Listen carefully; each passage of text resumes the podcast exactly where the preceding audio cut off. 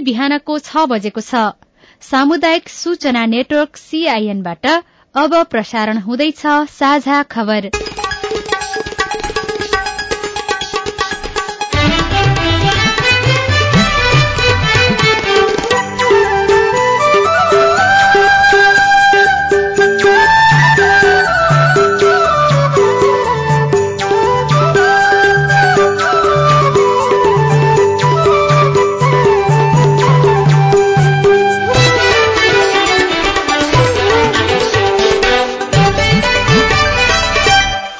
शुभ प्रभात यो सीआईएनको साझा खबर हो। गीता चिमोरियासँगै गोविन्द खड्काको तपाईँलाई स्वागत छ।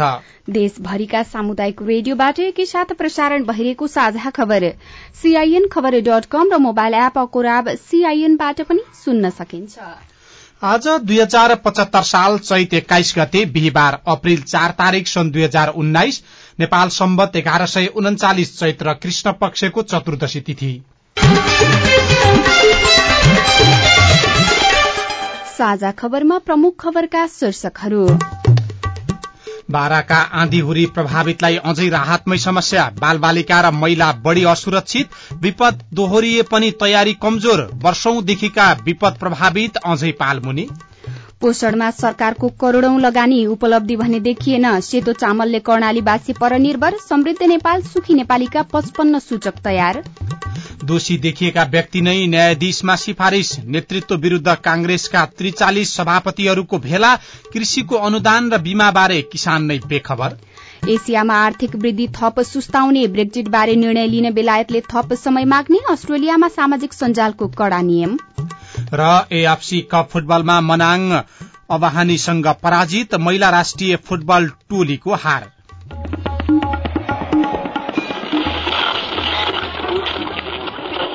सयौं रेडियो। हजारौं रेडियो कर्मी र करोड़ौं नेपालीको माझमा यो हो सामुदायिक सूचना नेटवर्क सीआईएन आज काठमाडौँबाट छापिएका पत्र पत्रिकाहरूले बारामा भएका आँधीहुरी प्रभावितहरूले राहत नपाएको प्रसंगलाई प्राथमिकताका साथ छापेका छन्। अस्त व्यस्त रूपमा राहत बाँडिएको छ व्यवस्थापन हुन सकेको छैन। वास्तविक पीड़ित भन्दा नक्कली पीड़ितहरूले राहत लिएको प्रसंग पत्र पत्रिकाहरूको प्राथमिकतामा परेको छ। त्यसै गरी बालबालिका र महिला पनि असुरक्षित छन्। सरकारले विपदको तयारीमा गरेको प्रसंग विभिन्न सामाजिक र राजनीतिक खबरलाई पनि पत्र पत्रिकाहरूले प्राथमिकतामा छापेका छन्। सबभन्दा पहिले बाह्रमा आएको आँधीहुरीकै प्रसंग भूमरी सहितको हुरीले फुसको घर तहस नहस पारेपछि मीनादेवी बिनको आठ जनाको परिवार चार दिनदेखि प्लास्टिकको बोराको पालमा रात बिताइरहेको छ। बुधबार दिउँसो टन्टलापुर घाम लागेका बेला पालमुनि भेटिनुभएका मीनादेवीले भन्नुभयो मेरो हातमा एउटा त्रिपाल पनि परेको छैन। घरभित्र पुरिएको यही थोत्रो बोरा टाँगेर बालबच्चा राखेकी छु। उरीले सबैभन्दा बढ़ी भौतिक क्षति पुर्याएको भरवलिया गाउँमा मंगलबारदेखि नै दाताहरूले त्रिपाल झूल म्याट लगायतका राहत सामग्री बाँडिरहेका छन् तर मीना देवी र उहाँको परिवारमा हिजो अपरान्नसम्म एउटा पनि त्रिपाल पुग्न सकेको छैन। गाउँमा आउनेले सड़क छेउछाउका पीड़ितलाई मात्रै बाँडिरहेका कारण भित्री टोलका पीड़ितको हातमा राहत पुग्न नसकेको हो। उरीले सड़क छेउछाउका भन्दा भित्री टोलका घरमा बढ़ी क्षति पुर्याएको छ। भित्री टोलमा पुग्ने बाटो साँगुरो भएका कारण राहत बोकेर आउने गाड़ी चोकमै रोकिने गरेकाले उहाँ जस्ता थुप्रै पीड़ित राहत पाउनबाट वञ्चित भएका छन्। मीना देवीकै छिमेकी ललिता देवी बैठाको परिवार पनि तीन दिनदेखि तन्ना टाँगेर बनाएको पालमुनि रात गुजारिरहेको छ। भित्री बस्तीमा पुगेन राहत अन्नपूर्ण पोस्ट दैनिकमा मनिका झाले जनकपुर र क्रान्ति शाहले वीरगंजबाट खबर लेख्नु भएको छ। सुवर्ण गाउँपालिका चार हर्दिया गाउँ बारा सदरमुकाम कलैयाबाट तेह्र किलोमिटर टाढा छ तर आइतबार रातिको हावाहुरीसँगै भग्नावशेषमा परिणत हर्दियाको दलित बस्तीमा पनि अझै राहत र उद्धार हुन सकेको छैन। तीन रात खुला आकाशमुनि बिताएका स्थानीयले बुधबार हिजोसम्म पनि नगरपालिकाले चलाएको मेसमा बिहान बेलुकाको खाना बाहेक केही नपाएको गुनासो गरेका छन्। उनीहरूको अवस्था बुझ्न राजनीतिक दलका शीर्ष नेता र साना ठूला नेता कोही पनि पुगेका छैनन्। हर्दिया मात्र होइन नजिकै रहेको अर्को बस्ती तेलगाईको अवस्था पनि उस्तै छ। महागढीमाई नगरपालिका साथ तेलगाईमा बयासी मध्ये अधिकांश घर भत्किएका छन् तर तेलगाईवासीले अझै पनि राहतको अनुभूति गर्न पाएका छैनन्। पच्चीस पच्चीस किलोको एक एक बोरा चामल बाहेक केही नपाएको स्थानीय बासिन्दाले गुनासो गरेका छन्। फेटा गाउँपालिका छ पुरेनिया गल्छी टोलका सदाम अन्सारीले हावाहुरीबाट प्रभावितलाई आएको राहत सामग्री पीड़ितले भन्दा चिने जानेकाले पाएको गुनासो गर्नुभयो।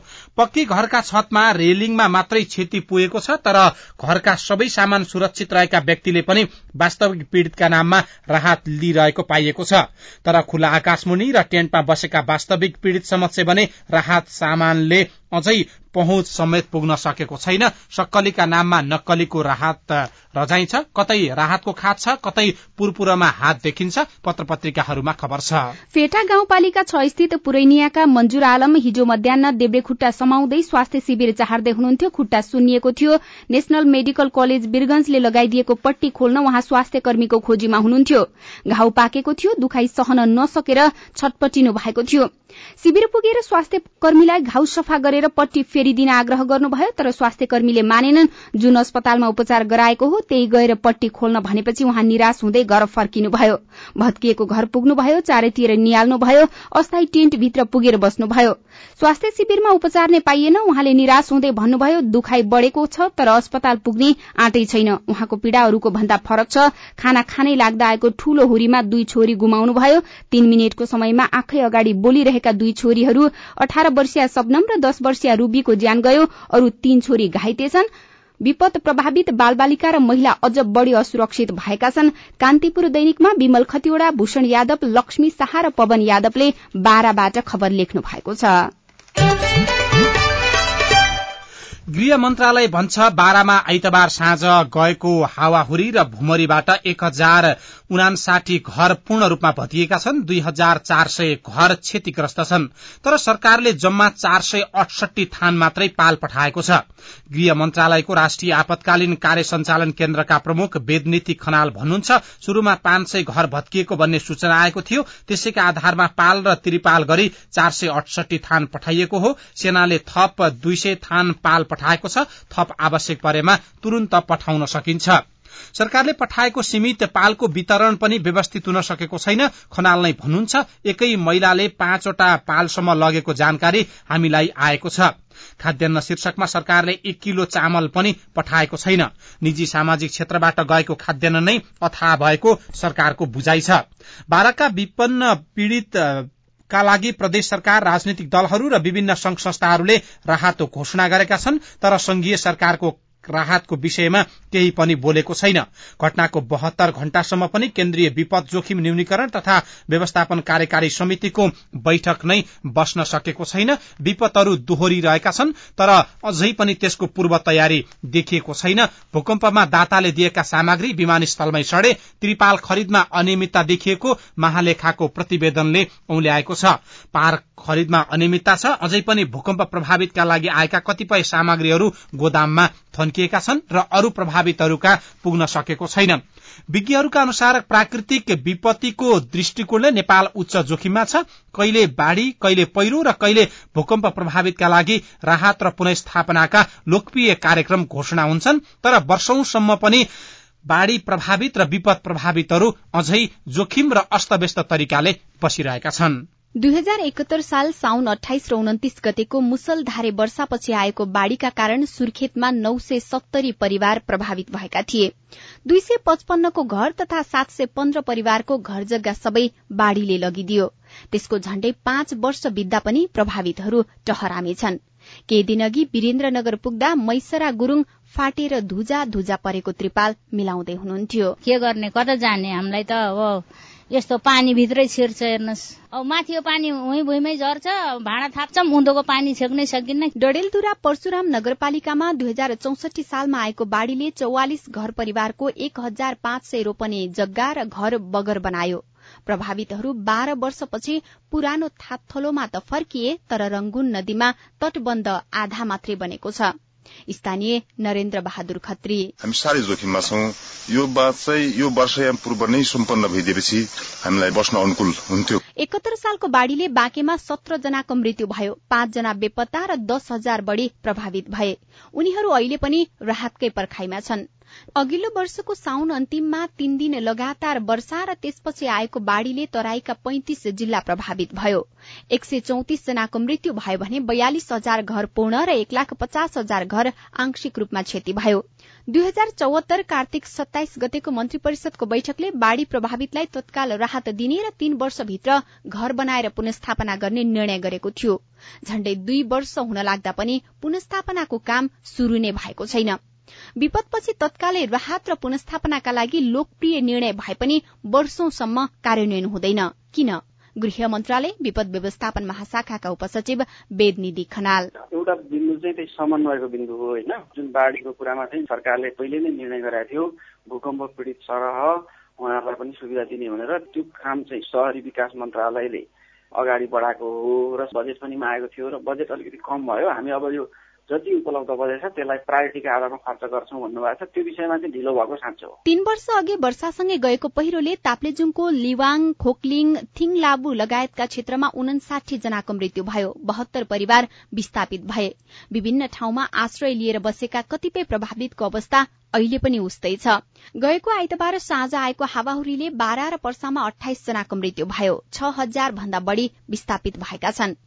प्रभावितलाई संघीय प्रदेश र स्थानीय सरकारसँगै विभिन्न राजनीतिक दल संघ संस्था र व्यक्तिले ठूलै राहत रकम दिने घोषणा गरेका छन्। राहत रकम घोषणामा प्रतिस्पर्धा जस्तै देखिए पनि कार्यान्वयन हुनेमा भने प्रभावितहरू ढुक्क छैनन्।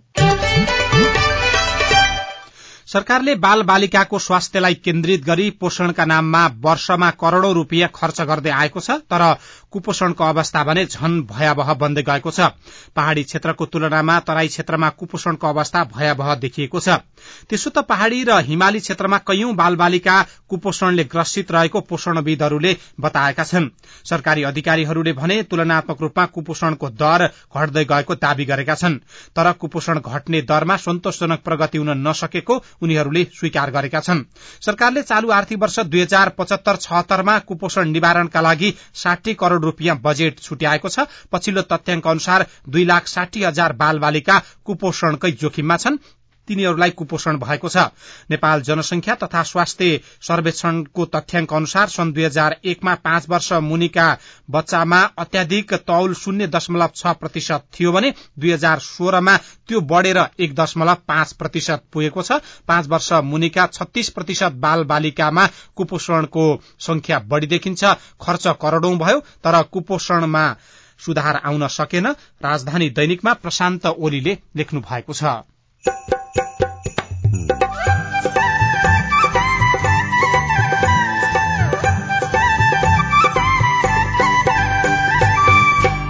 सामुदायिक सूचना नेटवर्क सीआईएन मार्फत देशभरि प्रसारण भइरहेको साझा खबरमा निजी विद्यालयको मनपरी शुल्क अभिभावक मारमा।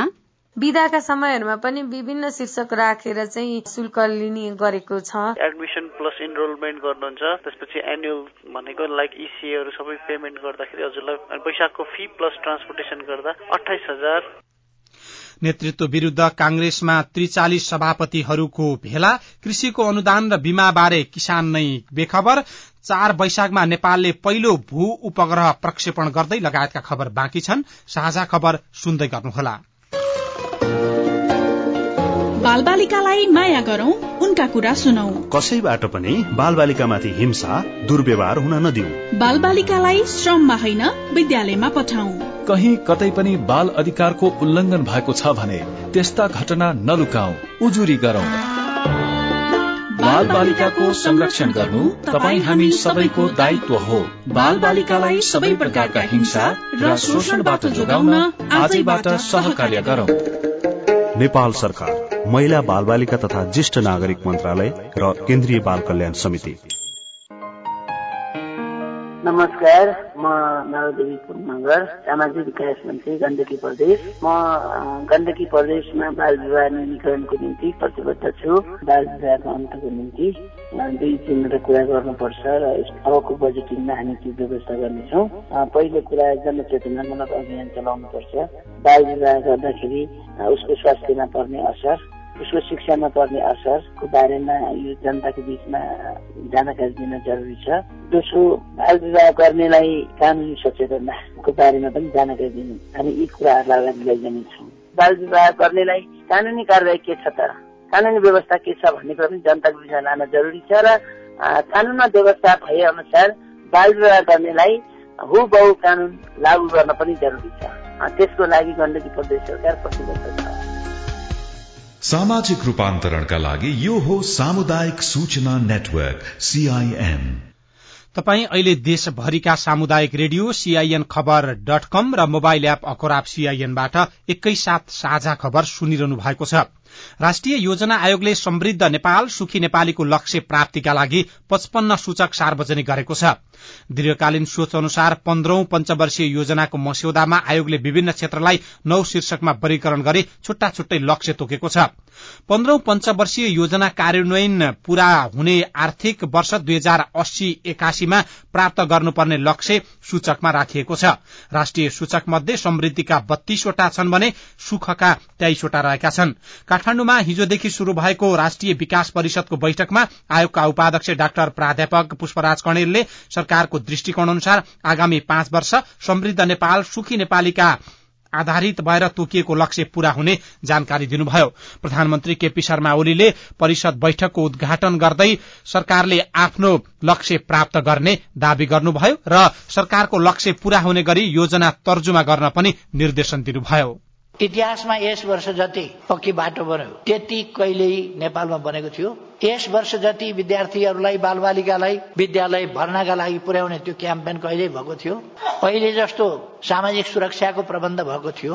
अहिले जस्तो रोजगारीको प्रत्याभूति गरेको छ सरकारले। यस सरकारले जसरी युवाहरूलाई सहुलियत सुविधा दिने काम कहिल्यै भएको थियो। यस्ता धेरै थुप्रै कुराहरू छन्। दुई हजार बीस सालमा राजा महेन्द्र जुम्ला हुँदै रारा भ्रमणमा हिँडेका थिए। उनले खाद्यान्न अभाव देखे त्यसपछि कर्णालीमा खाद्यान्न पठाउने निर्णय गरे। राजाकै निर्देशनमा दुई हजार चौबिसदेखि जहाजमा चामल ढुवानी शुरू भयो। जुम्लाका स्थानीय रमाकान्त आचार्यका अनुसार जहाजबाट खसालिएको खाद्यान्न हारालुच भएपछि व्यवस्थित गर्न प्यारासुटबाट बोरा खसालिएको थियो। दुई हजार सत्ताइस सालमा जुम्लामा खाद्य संस्थानको कार्यालय स्थापना भएपछि सरकारी अनुदानको खाद्यान्न दीर्घकालीन रूपमा भित्रिने वातावरण बन्यो। आचार्यकै भनाईमा सरकारी अनुदानले कर्णालीवासीलाई सेतो भातको लत बसाल्यो। सरकारी अनुदानले सेतो भातको लत बसालेपछि कर्णालीवासी अल्छी बन्दै गएका उहाँ बताउनुहुन्छ। अनुदानको चामल जानु अघि धानको उत्पादन कम भए पनि मकै कोदो फापर चिनो कागुनो प्रशस्तै हुन्थ्यो। अचेल बाली नाली नलगाउँदा भोक भोकै बस्नुपर्ने अवस्था पनि आएको छ। सेतो चामलले कर्णालीवासी परनिर्भर। कान्तिपुर दैनिकमा तुलाराम पाण्डेले कालीकोटबाट खबर लेख्नु भएको छ। कांग्रेसका बहुमत जिल्ला सभापतिहरूले स्वत प्रतिनिधिको प्रावधान हटाउने र आरक्षणको सुविधा दोहोर्याउन नपाउने व्यवस्था विधानमा राख्नुपर्ने माग सम्बोधन नभए विशेष महाधिवेशन बोलाउन हस्ताक्षर थाल्ने बताएका छन्। पार्टी विधान अनुसार एक चौथाई महाधिवेशन प्रतिनिधिले हस्ताक्षर सहित माग गरे नेतृत्वले विशेष महाधिवेशन बोलाउनुपर्छ। विशेष महाधिवेशनबारे छलफल गर्न बोलाइएको जिल्ला सभापतिहरूको भेला हिजो ठमेलको काठमाण्डुको एउटा होटेलमा शुरू भएको हो। आजसम्म चल्ने भेलामा संस्थापन पक्ष बाहिरका त्रिचालिस जिल्लाका सभापतिहरू सहभागी छन्। जिल्ला सभापतिहरूको भेलाले थप पार्टी नेतृत्वलाई सच्याउने गरी निर्णय गर्ने नुवाकोटका जिल्ला सभापति जगदीश्वर नरसिंह केसीले सीआईएनसँग बताउनुभयो। उहाँका अनुसार भेलामा आज छलफल हुनेछ। भेलामा संस्थापन पक्षका जिल्ला सभापतिहरू भने सहभागी भएका छैनन्। पार्टी सभापति शेरबहादुर देउबालाई कमजोर गर्ने गरी भेला बोलाइएको उनीहरूले बताएका छन्। नेपालमा स्वास्थ्य बीमाको शुरूआत दुई हजार चालिस सालबाट भएको हो तर धेरै मानिस अहिले पनि स्वास्थ्य बीमा बारे जानकार छैनन्। स्वास्थ्य बीमा भन्दा उन्तिस वर्षपछि शुरू भएको कृषि तथा पशुपन्छी बीमा बारे त झन अधिकांश किसान बेखबर छन्। दोलखाबाट बुना घिमिरेको रिपोर्ट। कृषि बीमाको शुरूआत भएको सात वर्ष पुगेको छ। प्राकृतिक वा मौसमी समस्याले किसानको बालीमा क्षति भए लगानी खेर नजाओस् भनेर कृषि बीमाको शुरूआत गरियो। कृषि बीमा गर्न लाग्ने पैसा मध्ये सरकारले पचहत्तर प्रतिशत अनुदान दिने गरेको छ। तर यसबारे किसानहरू जानकार छैनन्। दोलखाको मेलुङ गाउँपालिका एक पौटीका मखमली बुढा थोकी। टनेला लगाएको थियो भन है काउली लगाएको थियो त्यो पनि भन मैले छोडिदिएँ। मैले चाहिँ गरेको छैन अरूले चाहिँ गरे होला साथीहरूले है। दोलखामा व्यवसायिक तरकारी खेती गर्ने किसानको संख्या बढ़िरहेको छ। कृषि बीमाको फाइदा बारे स्थानीय सरकारले किसानको घर घरमै पुगेर जान जानकारी गराउनु पर्ने बताउनुहुन्छ। भीमेश्वर नगरपालिका पाँचका वासुदेव बस्नेत। कसरी हुन्छ भन्ने त्यति थाहा छैन। गरेको भए थाहा भयो अब यो गाउँ गाउँमा गएर तपाईँहरूले कृषि बिमा गर्नुहोस् यसो गर्नुहोस् त्यो बिमा गरेर यो फाइदा हुन्छ भनेर मोटिभेसन गर्न पर्यो नि त। सम्झाइदिनु पर्यो। रोग किरा असिना तथा खडेरी लगायतका समस्याका कारण किसानले लगाएको तरकारी फलफूल वा अन्नबाली नफल्न सक्छ। यस्तो अवस्थामा किसानको लगानी खेर नजाओस् र मर्कामा नपरोस् भनेर कृषि बीमा लागू गरिएको हो। स्थानीय स्तरमा कृषि बीमालाई प्रभावकारी बनाउन स्थानीय सरकारको योजना के छ? मेलुङ गाउँपालिकाका प्रवक्ता हिरा थोकर। कार्यपालिका बैठक बसेर भोलि कृषि समिति बसेर त्यसपछि कृषकको छनौट गरेर व्यवसायिक खेती गर्ने कृषकहरू छनौट गरेर कृषि बीमा गर्छौँ हामी। कृषि बीमा अहिले महत्वपूर्ण पाटो हो। क्रमशः हामी सबै सातवटा वार्डमै मेलुङ गाउँपालिकामा जो जो व्यवसाय किसान छ जसले व्यवसायिक रूपमा खेती गरिरहेको छ तिनीहरूलाई कृषि बीमा गर्छौँ। कृषकहरूलाई अहिले कृषि बीमा के हो भन्ने कुरोमा पहिले जानकारी गराउन जरुरी हुन्छ। किसानलाई कृषि बीमाको महत्व बुझाउन सके व्यवसायिक किसानको संख्या बढ्नेछ अनि समृद्धिको शुरूआत गाउँबाटै हुनेछ। Buna Ghimire CIN radio Sailung Dolakha. साझा खबरमा अब तपाईँको प्रश्न र त्यसको जवाब सहितको हेलो सीआईएन प्रस्तुत गर्दै हुनुहुन्छ सिर्जना बराल। सिन्धुपाल्चोक जिल्ला बलिखुई गाउँपालिका वडा नम्बर पाँचबाट म दीर्घबहादुर तामाङ। सरकारले युवाहरूलाई लक्षित गरी युवा स्वरोजगार कोष मार्फत कर्जा दिने कार्यक्रम ल्याएको सुन्छु। खै कहाँबाट लिने हो? मैले विगत नौ महिनादेखि कृषि विकास ब्याङ्क पार्वतीय शाखामा जग्गा दिदो राखेर व्यावसायिक कफी खेतीको लागि कर्जा लिन खोजेको तर हालसम्म कर्जा स्वीकृत भएको छैन। त्यसैले हामी जस्तो युवालाई त्यस्ता कार्यक्रमले कहिले समेट्ला? दीर्घजी तपाईँको प्रश्न हामीले बलेफी गाउँपालिकाका अध्यक्ष केदार छेत्रीलाई सुनाएका थियौं। तर उहाँहरू हामी कहाँ आउनु भएको भएदेखि हामीले सहजीकरण गरिदिन्छौँ कफी खेती गर्ने हो भनेदेखि हाम्रो त नयाँ प्रोजेक्ट नै छ हामीले के गर्दैछौँ भने त्यो बाँझो रहेका जग्गा जमिनहरूलाई हामी गाउँपालिकाले लिएर बेरोजगार युवाहरूलाई निशुल्क रूपमा दिने व्यवस्था गरेका छौँ। त्यस हुनाले उहाँलाई हामी जमिन शुद्ध दिन्छौँ। मान कुमार विश्वकर्मा मेरिङदेन गाउँपालिका वार्ड नम्बर तिन विपन्नहरूलाई उपचार आर्थिक सहायताको लागि कहाँ सम्पर्क गर्नुपर्छ?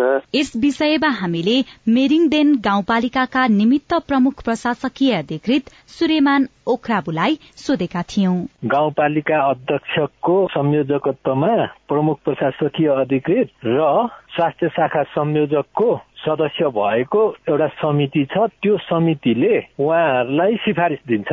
स्थानीय तहमा आएर भेट्नु पर्यो। आफ्नो तल हस्पिटलले डायग्नोसिस गरेको रोगको कागजात पनि ल्याउनु पर्यो। डोटीका एकजना श्रोता शिक्षकका संघ संगठनले अब शिक्षाको गुणस्तर सुधारमा काम गर्नुपर्ने विचार राख्नुहुन्छ। म शिखर नगरपालिका डोटीबाट भक्तबहादुर द्वारा जलन। हामी सबैका सामु रहेको एउटा ठूलो चुनौती व्यवहार परिवर्तन हो। यसमा सबैको ध्यान जाओस्। शिक्षकका संघ संगठन र शिक्षक महासंघले अब शिक्षाको गुणस्तर सुधार गर्न हाम्रो विद्यालय राम्रो विद्यालय बनाउन ठूलै कसरत गर्नुपर्ने देखिन्छ। तपाई पनि जुनसुकै बेला हाम्रो टेलिफोन नम्बर शून्य एक बान्न साठी छ चार छमा फोन गरेर आफ्नो विचार प्रतिक्रिया वा गुनासो रेकर्ड गराउन सक्नुहुनेछ। अब विदेशको खबर अस्ट्रेलिया सरकारले सामाजिक सञ्जाललाई थप जिम्मेवार र उत्तरदायी बनाउन कड़ा कानून ल्याउने भएको छ। एक साताभित्र संसदमा पेश गरिने कानूनमा सामाजिक सञ्जालका उच्च अधिकारीलाई जेल सजाय गर्नेसम्मको प्रावधान राखिएको छ।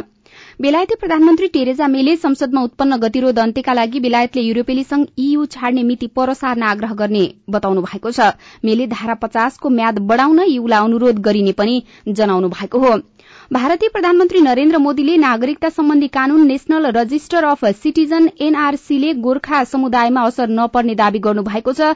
सिलिगुड़ी नजिकैको कावा खालीमा हिजो आयोजित चुनावी सभामा उहाँले भन्नुभयो एनआरसीका कारण गोर्खा समुदायले कुनै पनि क्षति बेहोर्नु पर्ने छैन। अनि एसियाली विकास बैंक एडीबीले विकासशील एसियाली मुलुकको आर्थिक वृद्धि थप सुस्त हुने हिजो प्रक्षेपण गरेको छ। चीन अमेरिका बीचको तिक्त व्यापार युद्ध र अस्तव्यस्त ब्रेक्जिटका कारण आर्थिक जोखिम बढ़ेको बैंकको निष्कर्ष छ। अब खेल खबर एसीसी कप फुटबलमा नेपाली लीग च्याम्पियन मनाङ मर्स्याङदीले शुरूआती झड्का बेहोरेको छ। एएफसी कपको समूह ई को पहिलो खेलमै A division league champion मनाङले Bangladeshi league champion Abahani limited ढाकासँग एक शून्यको हार बेहोरेको छ। नेपाली महिला राष्ट्रिय फुटबल टोली म्यानमारसँग पराजित भएको छ। टोकियो ओलम्पिक दुई हजार बीसको दोस्रो चरणको छनौट अन्तर्गत हिजो भएको पहिलो खेलमा म्यानमारी टोलीले नेपाललाई तीन एकले पराजित गरेको हो। पहिलो नेपालले म्यानमारसँग उत्कृष्ट खेल प्रदर्शन गरेको भए पनि दोस्रो हाफमा दुई गोल खान पुगेको थियो। अनि त्रिभुवन आर्मी क्लब दुहबीमा जारी तेस्रो मनमोहन दुहबी गोल्ड कप फुटबलको फाइनलमा पुगेको छ। दुहबी रंगशालामा हिजो भएको सेमी फाइनलमा आर्मीले ए डिभिजन प्रतिद्वन्दी थ्री स्टार क्लबलाई दुई शून्यले हराएको थियो। निजी विद्यालयको मनपरी शुल्क रेडियो रिपोर्ट स्वस्थ जीवनशैली सम्बन्धी सन्देश अरू खबर र कार्टुन पनि बाँकी नै छ। साझा खबर सुन्दै गर्नुहोला।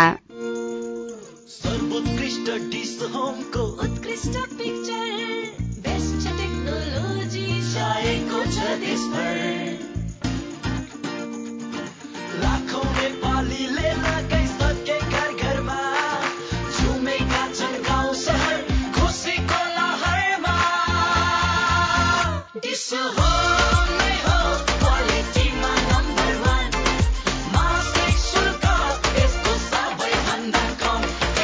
सर्वोत्कृष्ट पिक्चर क्वालिटी भएको डिसहोमका मासिक प्याकेजहरू अब बजारमै सबैभन्दा कम शुल्कमा। हेर्नुहोस् कुनै पनि प्याकेज तपाईँले चाहेको मूल्यमा। न्यूनतम रु दुई सय पचासमा बेसिक प्याकेज रु तिन सयमा मिडियम प्याकेज रु तिन सय पचासमा super HD package premium HD package रु चार सयमा उपलब्ध छ।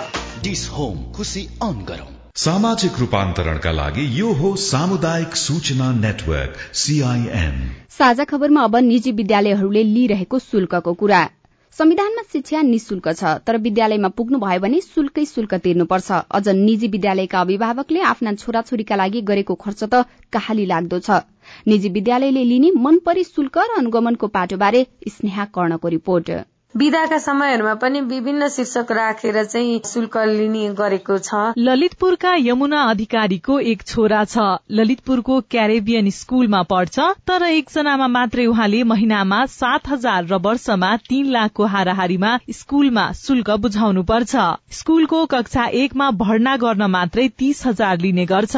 उसैले तोकेको कोटालाई आधार मान्दा पनि वर्षमा एक सय अभिभावकबाटै छत्तीस लाख उठाउने गर्छ। यो एउटा उदाहरण मात्र हो। शहरका गल्ली गल्लीमा खुलेका नाम चलेका नचलेका निजी विद्यालयले यसरी नै नाफाका लागि चर्को शुल्क लिइरहेका छन्। फर क्लास वानमा है एडमिसन गर्दाखेरि एडमिसन प्लस इनरोलमेन्ट गर्नुहुन्छ। त्यसपछि एनुअल भनेको लाइक इसिएहरू सबै पेमेन्ट गर्दाखेरि हजुरलाई पैसाको फी प्लस ट्रान्सपोर्टेसन गर्दा अठाइस हजार छ सय पचास लाग्छ। फोर क्लासको चाहिँ forty six thousand nine hundred at the time of admission उपत्यका बाहिरका शहरमा पनि निजी विद्यालयले मनपरी शुल्क लिइरहेका छन्। जनकपुरका प्रमोद चौधरीलाई हरेक महिना छोराछोरीको शुल्कले नै पिरोल्ने गर्छ। सरकारले तोकेको मापदण्ड अनुसारको रकम नउठाई आफ्नो राजी खुसीले असुली गर्ने र संगठनको माध्यमबाट दबाव सिर्जना गर्ने। शैक्षिक सत्र शुरू हुनुभन्दा तीन महिना अघि नै निजी विद्यालयले जिल्ला शिक्षा कार्यालयमा आफ्नो शुल्क प्रस्ताव गरी अनिवार्य स्वीकृत लिनुपर्ने व्यवस्था छ।